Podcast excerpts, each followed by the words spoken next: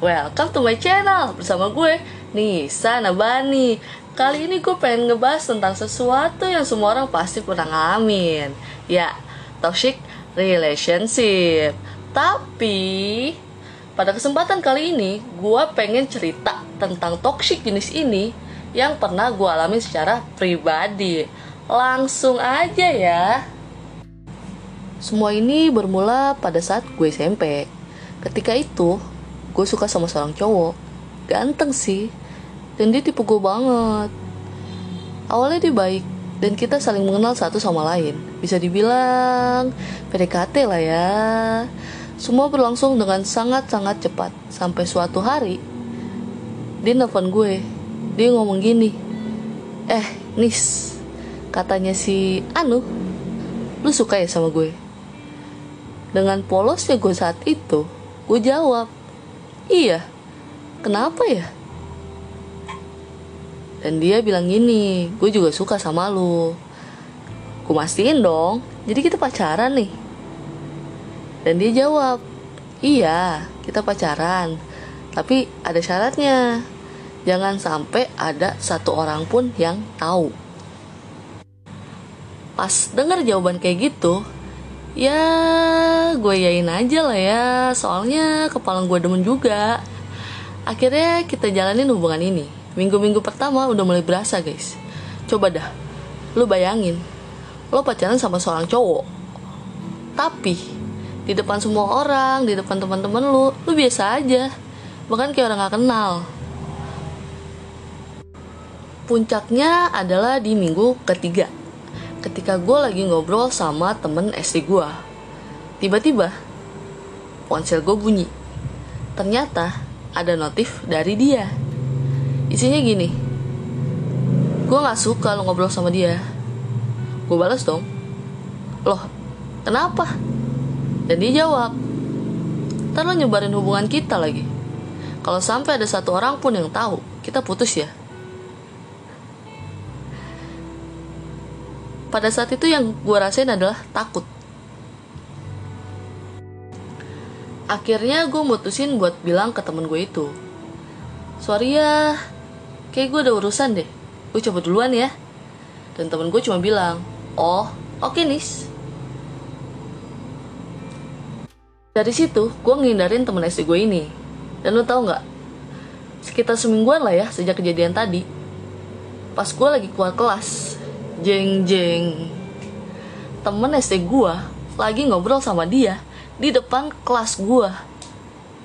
Kebayang gak sih lo perasaan gua pada saat itu? Tapi gue berusaha buat calm down aja dulu. Balik sekolah gue nungguin dia depan gerbang. Sekitar 30 menit akhirnya dia keluar juga. Langsung deh gue tanya lo gitu sih gue nggak boleh deket sama dia tapi lu deket sama dia. Dan dia jawab ngegas.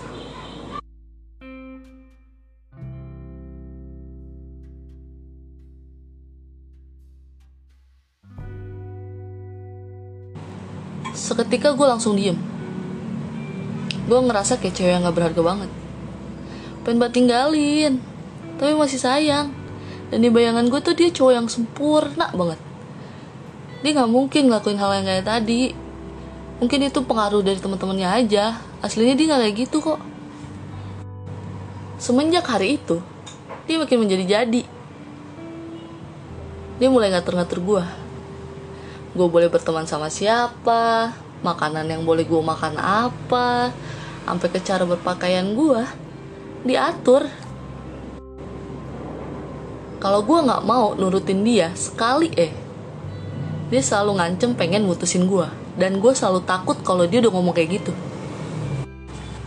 Sampai pada titik di mana otak gue udah nggak bisa nerima nih. Akhirnya gue mutusin buat minta pendapat ke sahabat gue sahabat gue bilang lu nggak bisa nis. Udah lepasin aja. Coba deh lu ngaca. Lu tuh bukan kayak diri lu otak gue bilang iya cuy lu bener banget. Tapi hati gue ngomong no no no no. Dia ngelakuin itu buat kebaikan lu. It doesn't matter. Di tengah perhelatan antara batin dan otak gua akhirnya gue mutusin buat ngomong ke dia. Gue bilang gini maaf ya kayak gue udah gak nyaman deh dan lu tahu respon dia kayak apa? Dia ngeyakinin gue kalau yang dia lakuin itu adalah semua untuk kebaikan gue dan dia tuh sayang banget sama gue lo tau kan?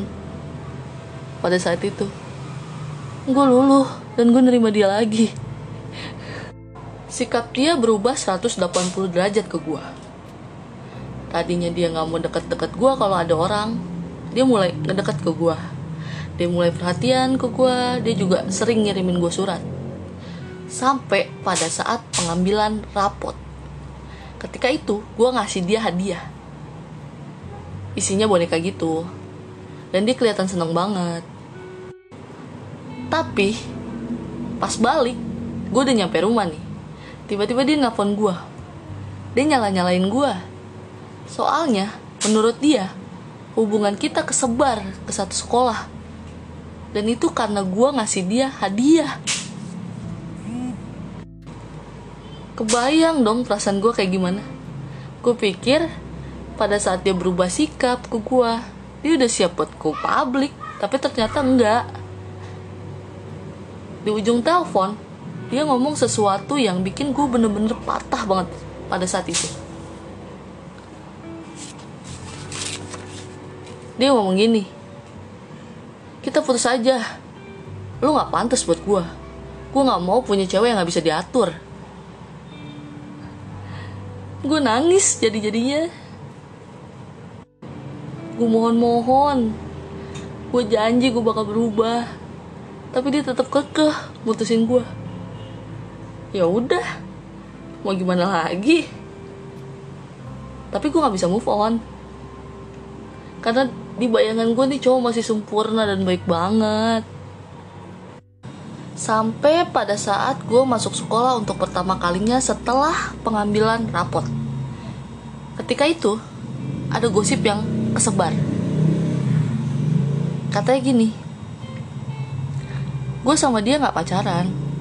Gue emang ngejar-ngejar dia gue emang nembak dia tapi dia nolak gue naik pitam dong gue gue cari nih siapa yang nyebarin?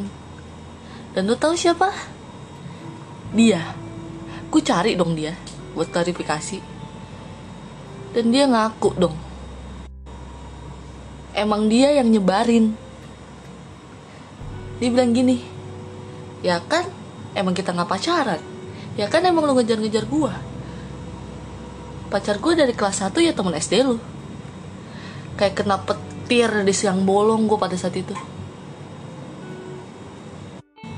Dengan hati yang masih sayang banget sama dia gue bener-bener terluka. Dan gak cuma sampai di situ. Masih inget kan tadi gue pernah ngasih dia boneka. Nah itu dibakar sama dia dan dilempar ke muka gue ancur hati gue sehancur-hancurnya. Mau marah nggak bisa karena gue masih sayang banget sama dia tapi di lain sisi gue ngerasa terhina banget sebagai seorang perempuan gue bertanya-tanya salah apa sih gue sampai diperlakuin kayak gini Kenapa sih dia bisa sejahat itu sama gue?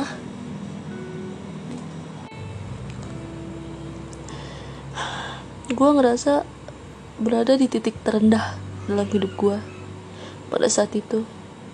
Gue ngedown, gue benci banget sama dia. Tapi gue gak bisa ngelupain dia. Nilai gue hancur, sehancur-hancurnya. Tapi di lain sisi, gue ngerasa lega aja bisa lepas dari dia so pesen gue kalau lo lagi ngalamin hal yang sama kayak yang gue alamin dan kalau lo udah ngerasa nggak nyaman sama hubungan lo lebih baik lo berhenti gunain hati lo dan mulai gunain logika lo. Kalau otak lo udah bilang oke okay, Queen kita udah nggak bisa. Ya udah lu stop aja. Karena ketika lu ngasih dia kesempatan dan dia gunain kesempatan itu buat ngatur rencana sesempurna mungkin untuk ninggalin lu dan ngelimpahin semua kesalahan itu ke lu itu tuh sakit banget. Even lu bakal ngerasain perasaan bersalah yang ngebuat lu ancur seancur-ancurnya dan lu bakal ngalamin kerugian yang lebih banyak lagi dari yang gue alamin tapi ketika lu stop terus lu cabut lu bakal sakit emang karena lu masih sayang tapi percaya deh waktu bakal nyembuhin itu dan gak bakal ngebekas di lu juga Sekian podcast gue kali ini. Thanks for listening my podcast. Gue Nisa Nabandi undur diri. See you next time. Bye-bye.